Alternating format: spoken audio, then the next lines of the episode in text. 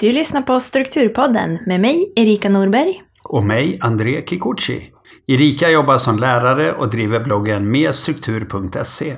André jobbar som pastor och pusslar ihop livet som familjefar. Så luta er tillbaka, följ med i våra tankegångar som kretsar kring livet med struktur.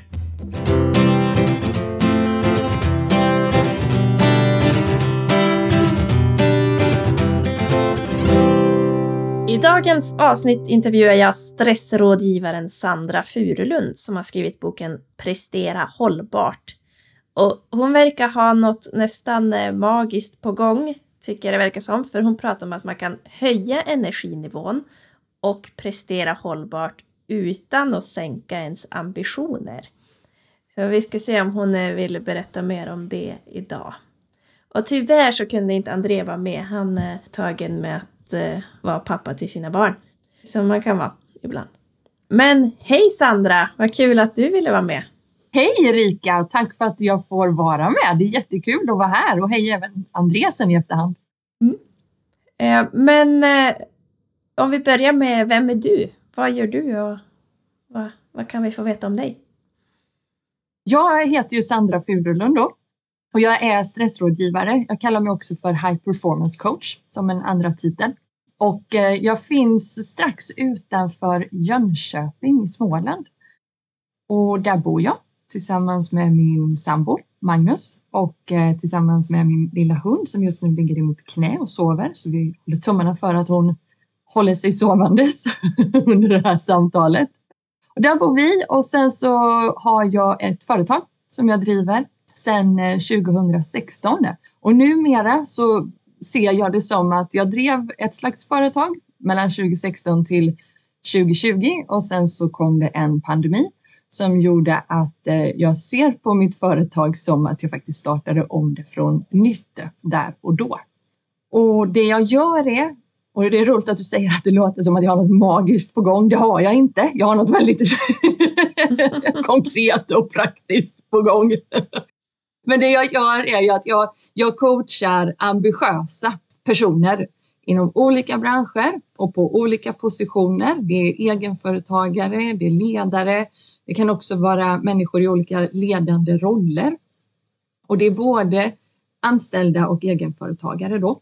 Och det jag coachar dem i är att de ska kunna skapa den här livsstilen så att de både kan prestera på en hög nivå och vara hållbara under tiden och må bra, ha hälsan och välmåendet och också goda relationer, både privat och professionellt.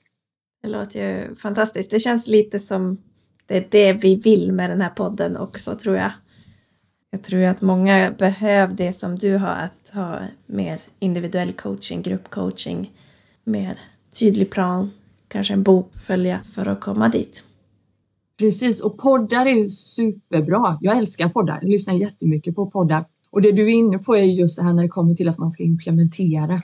Det är där det börjar hända någonting och implementeringen är oftast det som är utmaningen när du försöker göra det på egen hand utifrån att vi är människor och allting som är nytt för oss tar en extra ansträngning ifrån oss och kan också vara lite, lite uppförsbacke ibland att få till. Men eh, det är ju där det, det häftiga kommer då när man faktiskt använder sig av coaching, antingen individuellt eller i grupp, att man faktiskt får till den där implementeringen.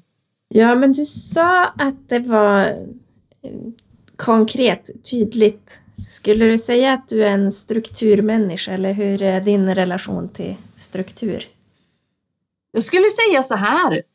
Fram tills jag var 28 så skulle jag inte påstå att jag hade någon struktur överhuvudtaget. Tvärtom. Det existerade inte i min världsbild alls. alls. Jag gick då på, på, den här, på det här sättet, alltså jag älskar att göra saker och ting. Jag älskar att vara på väg. Jag älskar att göra mitt bästa. Jag älskar att träffa nya människor och att ge mig in i olika projekt och gjorde det av bara farten. Det gick av sig självt. Så det som inte existerade i min verklighet fram tills jag var 28, det var struktur för till exempel vad jag behöver som människa för att må bra. Det fanns heller ingen struktur kring hur ska jag lägga upp mina dagar, både utifrån att jag ska kunna leverera på ett bra sätt och utifrån att jag ska kunna må bra och ha energi under tiden. Och hemma fanns inte heller så himla mycket struktur. Jag åt på oregelbundna tider. Och eh, det som fanns att göra tog jag för mig utan en plan. Utan jag gick väldigt mycket på jag gör det nu, jag gör det nu och, och liksom bara var igång hela, hela tiden. Sen hände ju det som hände många eh, numera och det var att eh, jag blev sjuk i utmattningssyndrom. 2012 var jag 28 och det här är alltså 11 år sedan nu. Och då insåg jag ju att någonting behövde förändras. Och en sak som jag kunde se behövde förändras var min egen livsstil. Någonting som hette återhämtning hörde jag talas om då. Och att det kunde vara bra att ha med sig under dagarna. Så där började min, skulle jag säga, min personliga resa in i att skapa strukturer. Sen när jag pratar struktur utifrån mitt perspektiv så är det absolut sånt här som handlar om alltså ren konkret planering utanför mig själv när det kommer till uppgifter, planering i form av vad ska jag göra det här kvartalet, vad ska jag göra nästa kvartal, vad har jag saker och ting någonstans, du vet sortera och så vidare i sina mappar och så där. Men när jag pratar struktur och, och, verkligen lever struktur så lägger jag också in sånt som har med min energi att göra. Det vill säga att jag har en tydlig struktur för hur mina månader ser ut. Hade jag inte innan jag blev sjuk alls. Eh, en tydlig struktur för det och jag har också valt medvetet hur jag väljer att utforma dem. Och det är inte på det här liksom att bara plocka någonting som någon säger är bra, utan jag har verkligen experimenterat och testat lite olika rutiner på morgonen. Vad mår jag bra av? Och utvärderat och följt upp för att verkligen skapa det som, som jag behöver. Så där är det väldigt strukturerat på, på morgonen, men det betyder ju inte att jag lever som en militär liksom, utan det är väldigt, alltså det är väldigt mänskligt och vi behöver struktur. Hjärnan behöver struktur och sen så finns det också en struktur med i mina arbetsdagar, både utifrån om jag tänker vilka dagar tar jag emot kunder? Vilka dagar arbetar jag bara på egen hand på själva företaget? Och hur ser mina dagar ut utifrån uppgifterna jag har det? Och där lägger jag ju också in sådana här saker som reflektion ingår i struktur som en självklar del. Reflektionstid. Mellanrum kallar jag det för. Det är det vi också kan kalla för pauser. Den främsta anledningen till att jag kallar det för mellanrum är för att det ligger en taktik bakom som gör det lättare många gånger för oss som är ambitiösa och har det här drivet i oss. Därför att det är lätt till hands att tänka om jag ska bara göra det här och sen tar jag den där pausen. Eller jag ska bara göra klart detta, sen tar jag lunchen. Ja, med det här mellanrumstänket som en strukturdel så kan man istället använda det på det sättet att okej, okay, jag gör det här och innan jag går vidare till nästa grej, där tar jag ett mellanrum där jag fyller på med energi på något sätt. Eh, vi kan liksom inte sitta tre timmar och sen är det dags för ett mellanrum, utan man kan också bryta ner det ännu mer. Låt säga att du är lärare, om jag sitter med en lektionsplanering till exempel, så kan jag planera upp eh, de här lektionerna, sen har jag planerat upp det, bra mellanrum och så tar jag nästa lektioner som ska in. På för ett exempel. Så, så, det är lite inblick i hur jag tänker kring struktur. Men hur, hur blev du coach om man får hoppa in dit? Oh ja, det får du jättegärna. Jag kom, alltså jag kom in på det här och, och det här är ju så här. Vid min, under min utmattning så började jag min resa mot ett mer håll, eller mot ett hållbart liv, så ska jag säga.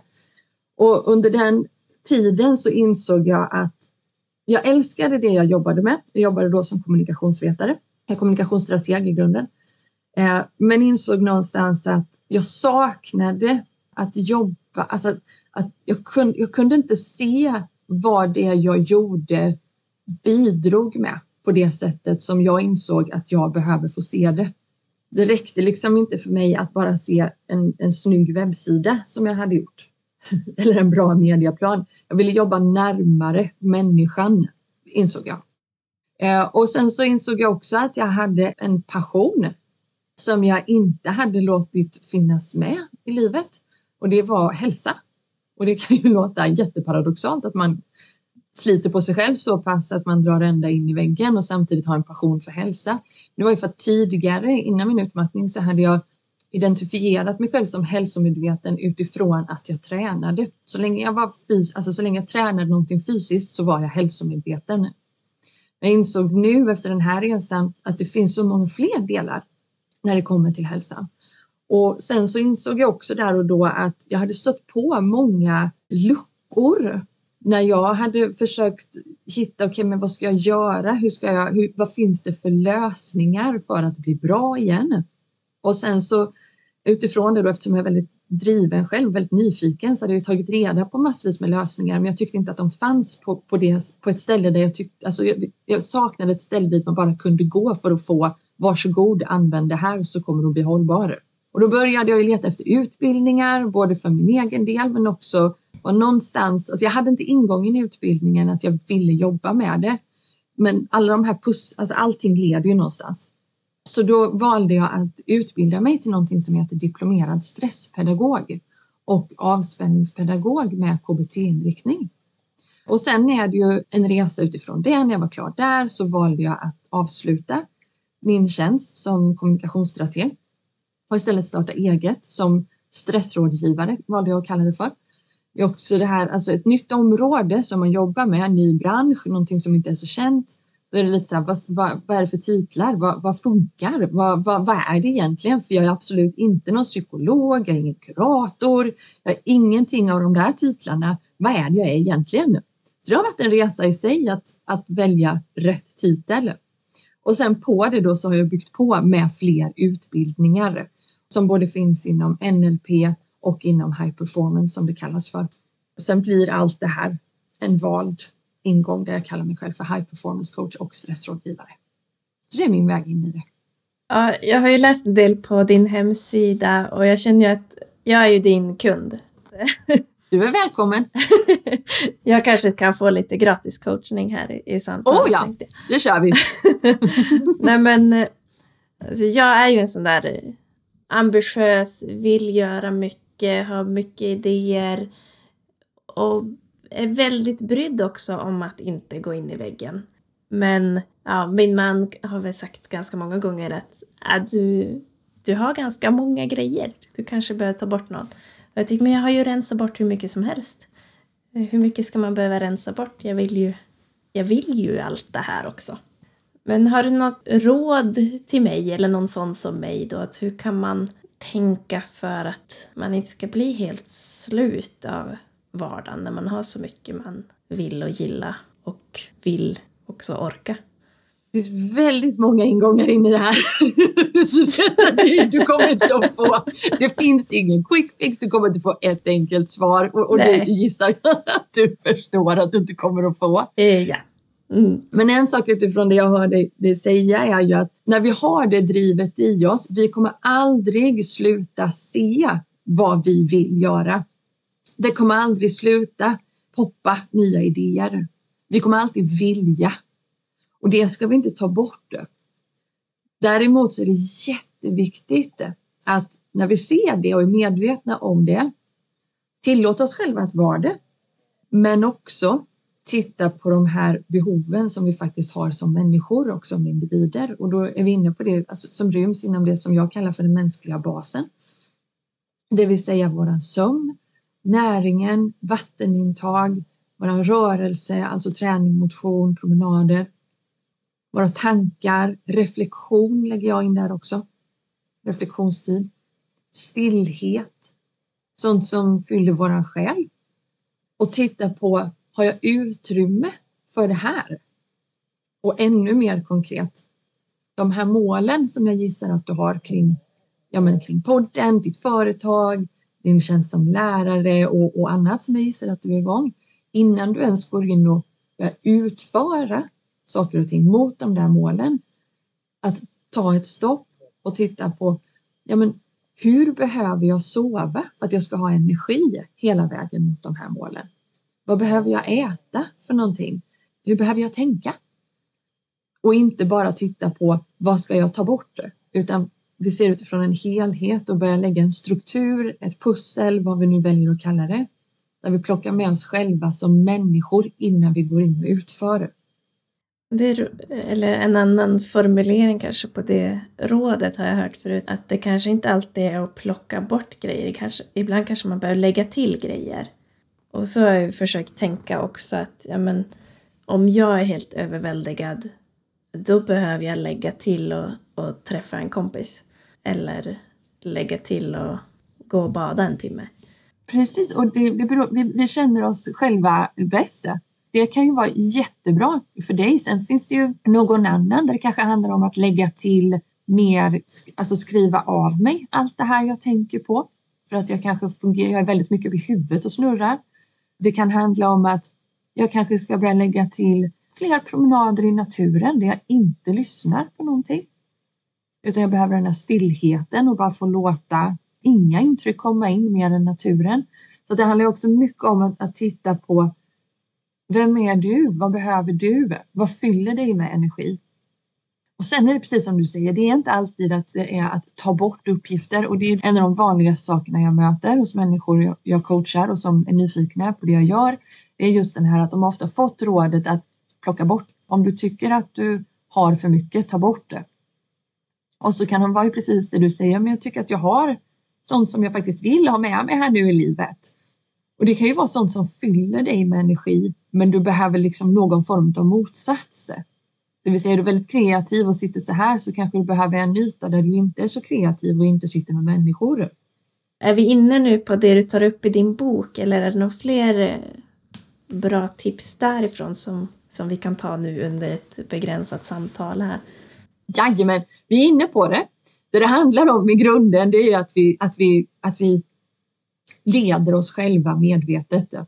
Och alla leder sig själva. Alltså, sitter man, alltså, om man tagit sig till jobbet till exempel eller till skolan så har du lett dig själv lite. Sen kan vi leda oss själva medvetet eller på autopilot. Och ofta i en kombination. Vi har vissa spår där vi går på lite autopilot och så har vi vissa spår där vi är medvetna.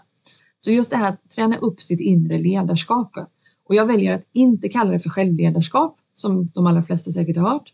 Den främsta anledningen är att använder ordet självledarskap så in, alltså det signalerar någonstans att du ska lösa allting på egen hand och att allting är bara du som ska göra. Och det är det inte. När du leder dig själv så handlar det snarare om att du blir väldigt bra på och tränad i Att du ser, men det här är mitt. Det här, det här löser jag. Det här ligger på mitt bord att lösa. Och så kan du också se, det här ligger på mitt bord, men jag kanske aldrig har gjort det tidigare. Så jag behöver ut och fråga någon som har gjort det tidigare. Det vill säga vi, vi tar för givet att det finns andra vi frågar om hjälp som vi tar support utav eller vi delegerar och inspireras av också. Så det här inre ledarskapet står i centrum och det är det som går igenom en röd tråd i hela boken. Ska jag nämna en sak som är ett komplement till frågan du ställde tidigare utifrån ditt eget liv där, så är det just att jag har jobbat med det här nu i snart sju år och sen levt med det själv i, i elva. Och en sak som jag har upptäckt, alltså man upptäcker ju väldigt mycket när man nördar in sig på ett område och också jobbar med människor där, ni ser att ni gör också. Ett mönster. Jag har identifierat ett mönster och sen så har jag valt att kalla det för någonting så att vi har någonting att liksom utgå från, vi har ett gemensamt begrepp för det. Och det är just att det sättet som alltså många lever på idag är ett väldigt reaktivt sätt som jag då har valt att kalla för det traditionella sättet att förhålla sig till prestation och hälsa.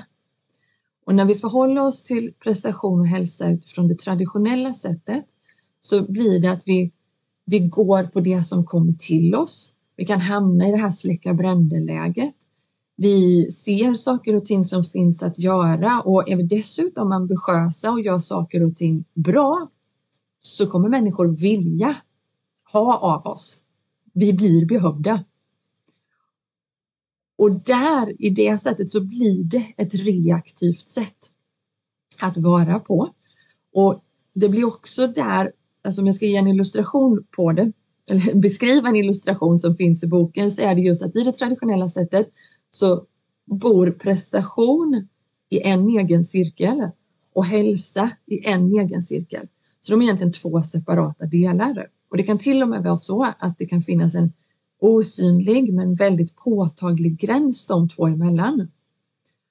Och det är det här, när vi hamnar i vardagen så kan det ta sig uttryck som att ja, men jag ska bara göra klart det här, sen ska jag gå och träna.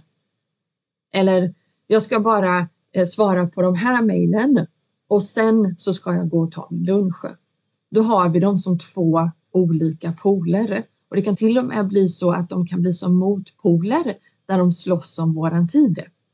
Och så åker vi in i det här, jag hinner inte. Om vi däremot kliver över i det andra sättet som man kan förhålla sig till hälsa och prestation så är det det aktiva sättet. Och där bor både hälsa och prestation i samma cirkel. Och så finns det pilar de här emellan, det vill säga vi behöver våran hälsa för våra prestationer, men vi behöver också våra prestationer för våran hälsa. Därför att när vi tittar på vad prestationer faktiskt är så är det ju att vi bidrar med våran kompetens, med våran erfarenhet. Vi har meningsfullhet i det. Vi är behövda. Det mår vi gott av. Men eftersom vi cirkulerar de här två, det cirkulära tänket kring hälsoprestation så blir det också mer tydligt att ja, men då behöver jag när jag väljer sånt som har med min hälsa att göra så kommer det att gynna mina prestationer. Och jag kommer också kunna se att ja, men det jag gör på jobbet, så länge jag väljer medvetet och leder mig själv aktivt, så det är också någonting som gynnar min hälsa. Så vi behöver liksom inte slåss mellan de två där, utan vi ser dem som två riktigt bra samarbetspartners helt enkelt. Och bara det sättet att se på hälsa och prestation öppnar upp någonting hos människor jag möter. För det gör helt, alltså det är så självklart när man hör det och när man ser det. Men det blir också så mycket lättare att se, ja men det är inte mig det är fel på om jag tycker att det kanske är svårt ibland att säga nej till någonting på jobbet till exempel eller våga ta upp med min chef om jag är anställd att vet du vad nu, det håller på att svälla här. Förutsättningarna jag klev in i den här tjänsten på, de har förändrats. Och sånt har vi ju med oss i det aktiva ledarskapet. Jämte inte att vi står liksom i att göra allting själva eller att vi har ansvar för allting själva. Men vi har definitivt ansvaret för vårt eget liv. Och har vi den utgångspunkten så kan vi gå in i den här aktiva rollen att leda oss själva, där vi har hälsa och prestation i cirkulärt tänk med varandra. Jag känner ganska många som så osunt osjälviska. Att men, bara bry sig om att andra ska ha det bra. Och att det är för andra jag ska göra någonting och gör jag något för mig själv så är det fel. Och jag försöker säga då att men, det är inte själviskt att ta hand om dig också. Att det är en förutsättning för att du ska kunna hjälpa andra. Men har du någon tanke där? Vad kan man mer säga till en sån person för att det ska bli tydligt? Det, jag tycker du säger jätte, jättebra saker redan med det du berättar. Och, och den, den är också vanlig. Den är jättevanlig att jag möter också just det här att det finns någon slags egoistiskt i att, att prioritera sig själv. Och tvärtom, precis som du är inne på. Alltså så här, om du har det här cirkulära tänket kring hälsa och prestation så innebär ju det att om du aldrig fyller på dig själv eller om du inte sätter dig själv först så kommer du inte att orka ge det du vill ge till andra. Men det är också så här att om du inte prioriterar dig och ger dig det du behöver och hela tiden ger till andra och gör saker och ting för andras skull så finns det också en effekt där som finns i att du talar ju om för dig själv om och om igen att du är inte lika viktig som alla andra. Och det gör någonting med dig inuti. Kan påverka ditt självvärde, kan påverka din känsla i hur du är med dig själv. Så att bara, bara inom alltså kaninöron, genom att faktiskt plocka in sånt som är för dig så kan du också tala om för dig själv att ja, men när, jag, när jag, låt säga, när jag tar en kvart för mig själv på morgonen innan jag börjar ge till alla andra och kanske sitter med en god kopp kaffe och, och en god frukost som jag har valt utifrån vad jag tycker om. Så det är inte bara så att, att jag sitter där och äter min frukost utan jag talar faktiskt om för mig själv att jag är en jätteviktig person i mitt liv. Det är faktiskt den viktigaste relationen jag har. För har du ingen relation med dig själv så vad händer med resten av relationerna i livet? Och när du också visar dig själv det så kan du också visa dig själv respekt. Du kan till och med gå så pass långt att säga att ja, men när jag sitter här och faktiskt ger mig själv den här kvarten så visar jag mig själv respekt och jag respekterar mig själv. Och det är ju någonting, nu är inte det här det enda, eh, men, men alltså den här självrespekten och att vi talar om för oss själva att vi är viktiga på olika sätt. Det är ju någonting som sen ger som effekt utåt att ja, det blir lättare att dra gränser. Och det blir lättare att fortsätta välja utifrån vad du mår bra av. För du stärker upp dig själv inifrån. Är du med på hur jag tänker? Ja, jag tycker det är jättebra. Så viktigt. Men det är, det är så svårt för många. Oh ja, och där är vi inne på sådana här, jag menar igen, vi står ju inte isolerade och själva någonstans. Vi lever i olika miljöer, alltså dels en hemmamiljö, vi har en arbetsmiljö, vi har också en miljö där vi, i den stan vi bor i och sen så har vi samhället och allt och vi har ett land och dessutom har vi en värld. Det jag också har identifierat och beskrivit i boken är alltså sju olika, jag har valt att kalla det för kulturella filter som jag ser. Och det är utifrån alltså, de här delarna som du är inne på. Vi har någonting i våran kultur och det kan finnas i, i andra länder också, men jag, jag kan tala för Sverige. Det, är där jag bor och det är där jag är uppvuxen. Jo, för vad det handlar om är att så som jag har valt att definiera det, att vi har sju vanliga kulturfilter som du kan förlora din personliga makt till om du inte ser upp. Och den här personliga makten, den finns i det här aktiva ledarskapet av dig själv. Och de sju, du kommer säkert känna igen dem för att det är det här med plikten framför allt. Det är själv är bäste dräng eller bra karl reder sig själv. En form av ordspråk som vi har här. Man ska alltid visa hänsyn. Du ska inte tro att du är något. Allt är möjligt och du kan bli vad du vill. Allt ska ske nu och du får inte sticka ut. Så vi har lite jantelag, vi har lite eh, plikten framför allt och alla de här som jag också skriver om är fantastiska. Det finns jättebra grejer i alla de här sju. Men om vi dessutom då är väldigt ambitiösa, drivna, engagerade. Det, går på, alltså det, går liksom, det kommer som instinkt att vi vill framåt och finnas där för andra. Så blir det lite som kaka på kaka i många av de här filtrerna. Och det är där vi riskerar att, att förlora vår personliga makt. Kan vi däremot syna dem och vara medvetna om dem och, många gånger reflektera kring jag menar, när, jag menar, om jag är lojal och plikttrogen, det är ju fantastiskt som företag, du som driver för, och vi, vi som driver företag, hade, hade, vi inte haft det någonstans i oss, ja, men då hade vi ju suttit på soffan hemma. och då, alltså, det hade ju inte gått liksom. Utan att lägga någon värdering i det. Men för att, för att lyfta styrkan i det draget. Sen finns det annat också som, som såklart bidrar till att vi inte sitter på soffan utan att vi driver ett företag. Men man kan se styrkan i det, bli medveten om det, men också se slagsidan. Om jag använder den här plikten framförallt omedvetet och är väldigt driven och ambitiös och lojal. Vill andra väl, ja då kan jag ju sitta och jobba 18 timmar i sträck. Utan att ge mig själv det jag behöver. Och, och kan, kan jag. Men frågan är hur länge det håller. Ja, den där lojal egenskapen har varit problematisk för mig tror jag.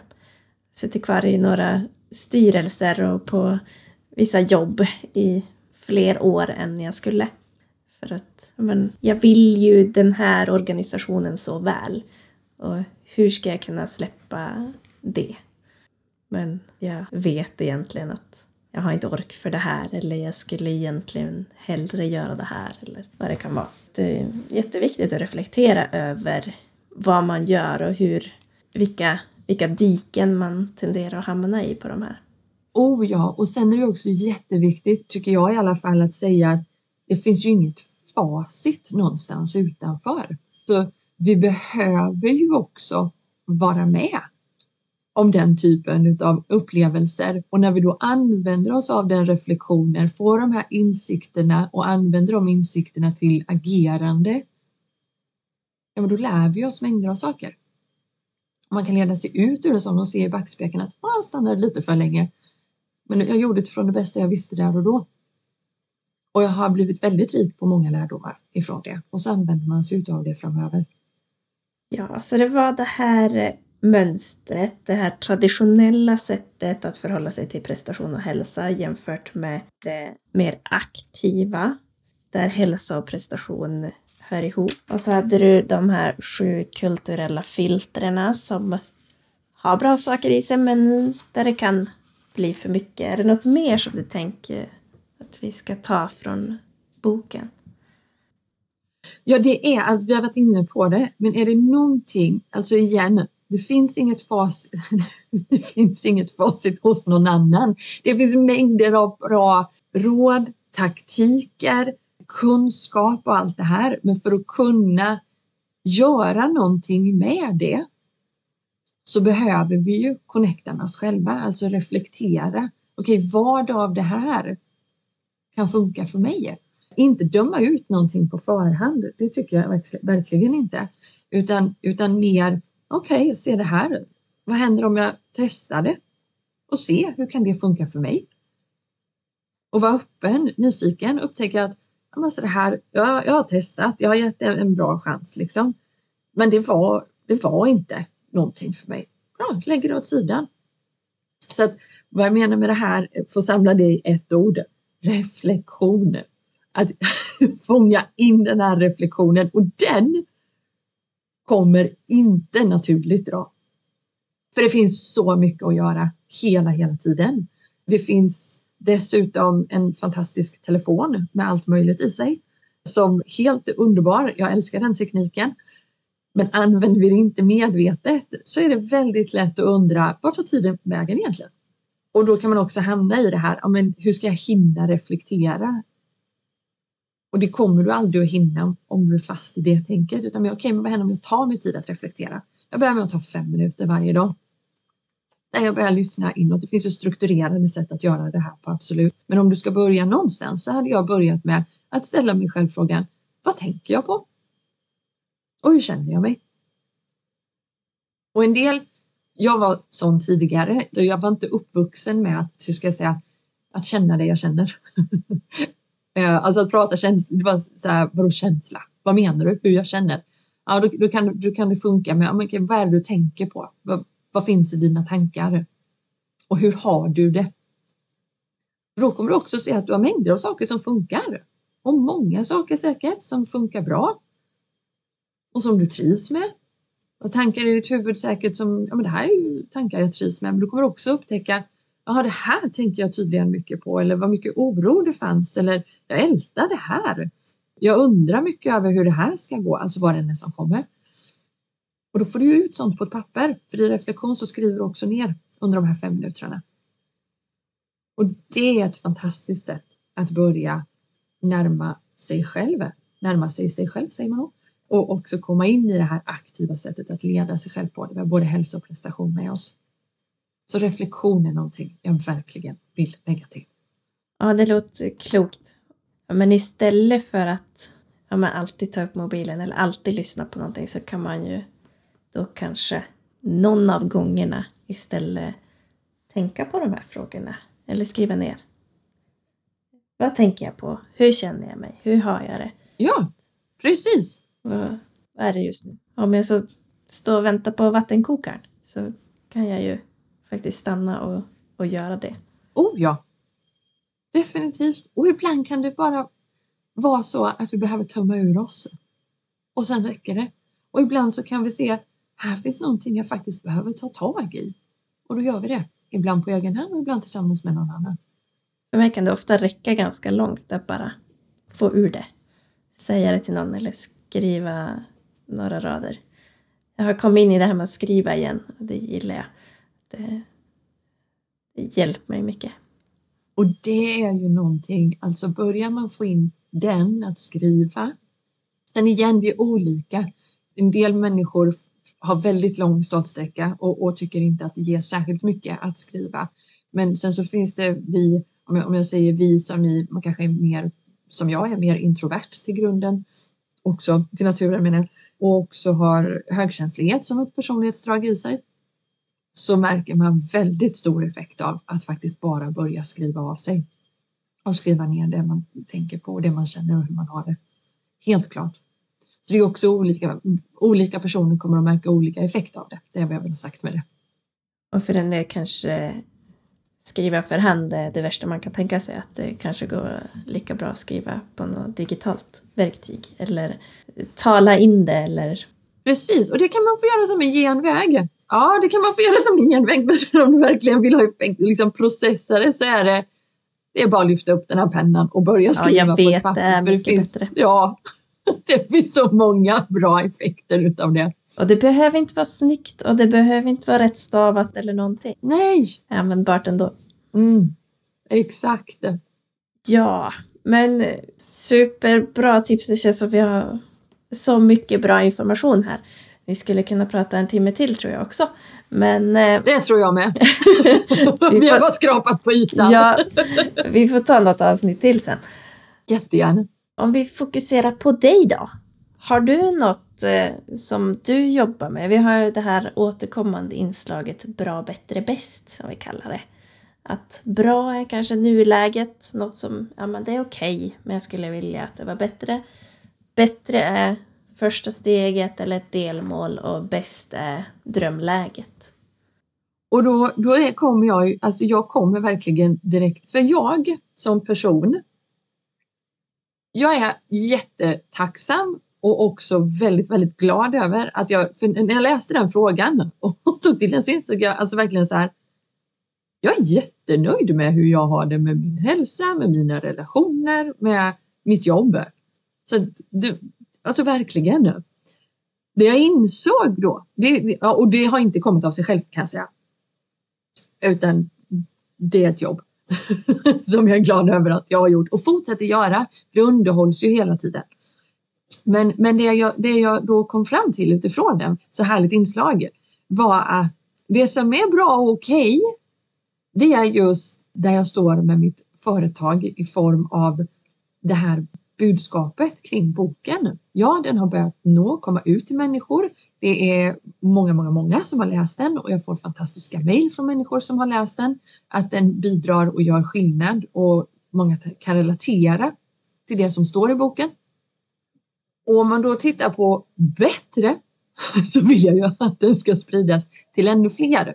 Och det är inte i första hand för att jag vill sälja en bok. Utan det här handlar om, jag, när jag skrev den här boken så hade jag en, en tydlig vision för den, alltså och ett syfte med den. Och syftet var varken att jag ska skriva en bok och kryssa av det på min bucketlist. Eller att, att ja, det här ska bli en bästsäljare, utan syftet var verkligen att jag vill ta ställning för ambitiösa personer och visa på att det finns ett alternativ som innebär att vi kan ha de här ambitionerna och må bra. Vi behöver inte gå på att det handlar om att göra mindre eller sänka våra ambitionsnivåer. Utan ett annat alternativ. Så vad de som då skulle kunna bli bättre är ju den här normen som vi behöver bygga om. Och den normen som jag pratar om då, det är att jag vill bygga om och vi håller på, men det behöver bli bättre. Att vi bygger om den här normen där vi har ambitiösa och högpresterande personer, drivna, som både har hälsan och sina prestationer med sig. Och det bästa läget är ju att den nya normen är på plats. Där det är en självklarhet att prioritera sig själv. Och där det är en självklarhet att välja det som jag behöver utifrån min hälsa. Och också vilja utveckla, förbättra, förändra det som ska förändras. Och att det är på självklarhet att vi hela tiden har det här aktiva sättet att se på hälsa och prestation framför ögonen. Det vore det bästa, absolut bästa läget. Ja. Och det ska vi till. Det är min dröm också. Ja. Jag tycker att vi har kommit långt ändå. Att det är inte samma skryt om hur upptagen man är eh, som det var för några år sedan. Men vi är inte riktigt i mål än. Jag vill ju att det ska inte vara, ja, men antingen så tar man hand om sig själv och, och sitter på stranden hela tiden, eller så bidrar man med någonting. Utan att man kan göra båda. För mig är de inte motsatser, men en del tycker det. Och i- ibland kan det kännas så att, men hur ska, jag- hur ska jag kunna ha båda? Och det du säger, det är verkligen, man kan nästan tro att du har läst boken. Där när du säger, det i det här traditionella sättet, det är verkligen där. Där hamnar vi antingen eller-tänket. Mm. Jag håller så med dig. Och, och det är också en sån fälla nästan. Jag vet när jag, eh, bör, när jag startade eget till exempel. Jag skämdes nästan första året. När jag, alltså, när jag sa, för jag jobbade ganska mycket. Det är en uppstartskurva att starta ett företag. Men jag jobbade ju inte på ett slitsamt sätt för mig själv utan jag valde medvetet. Jag hade längre dagar och vi ska, alltså nu under pandemin till exempel. Jag, jag har gjort en resa där jag gick från att förlora eh, 90-95 procent av mina intäkter på tre dagar när föreläsningar ställdes in till att då välja, okej, okay, hur bygger jag upp det här igen? Hur, hur ska jag välja? Det är klart att jag har jobbat mycket mer under pandemiåren än vad jag gjorde innan dess. Men igen, jag har valt det på ett medvetet sätt och vet att jag behöver inte välja antingen eller. Och det finns ingen risk med det här när jag har med mig både och. Men jag vill inte för resten av mitt liv jobba så långa dagar som jag har jobbat i perioder sedan pandemin.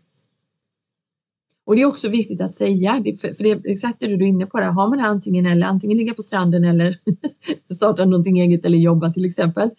Ja, men då finns det ju de som kommer att nästan shamea ut någon som säger att den jobbar och gör faktiskt en stor insats just nu. Om den inte vet med att det faktiskt går att göra det och ha hälsan med sig. Så länge man är noggrann med sin struktur kring vad du behöver som människa, vad du behöver som individ, varför du gör det du gör, varför det är viktigt för dig och en hel del annat också. Men hälsan och prestationerna går definitivt att ha med sig. Det går att ha både och. Ja, jag gillar det så. Man kan ha ambitionerna och må bra. Oh ja! Jag brukar säga att du förtjänar ett liv som du trivs med och det går att nå dit. Ja, Exakt! Du ser inte de som lyssnar, men jag gör en segergest för att ja, det går! jag tror vi har hittat någon likasinnad här på andra sidan skärmen. Oh ja! Ja, men eh, vi brukar också fråga våra gäster om de har någon veckans prova på som lyssnarna kan testa närmsta veckan. Mm. Och det är ju det är alltid roligt när man ska välja ut en, en sån sak.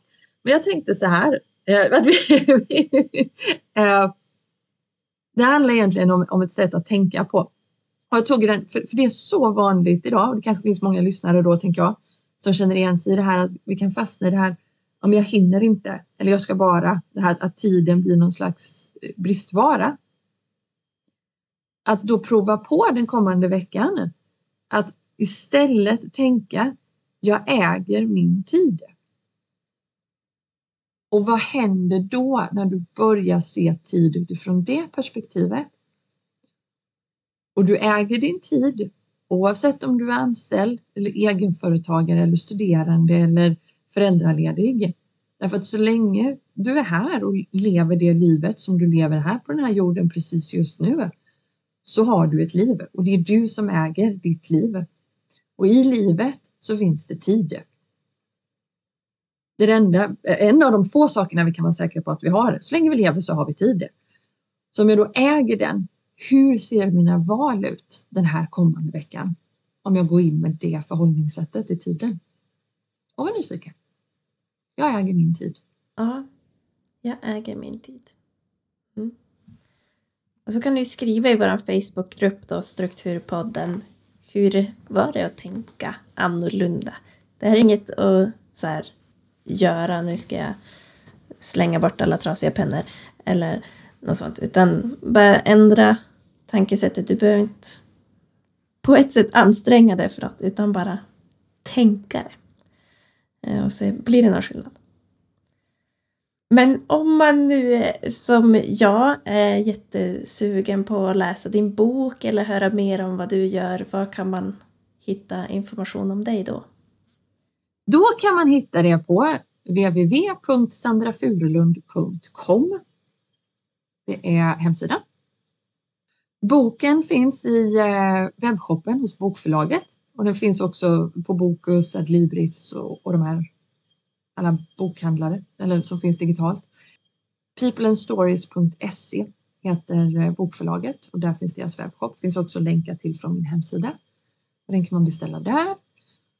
Och eh, sen så brukar jag, och jag har faktiskt, kan jag ju passa på att säga här nu 10 januari 2023, att jag har bestämt mig för att det här året så ska jag, jag började testa förra året att köra eh, utmaningar online och även eh, en del, alltså testat lite olika webbinarium, masterclasses och lite annat. Så nu har jag bestämt för att jag ska göra ännu mer av det det här året.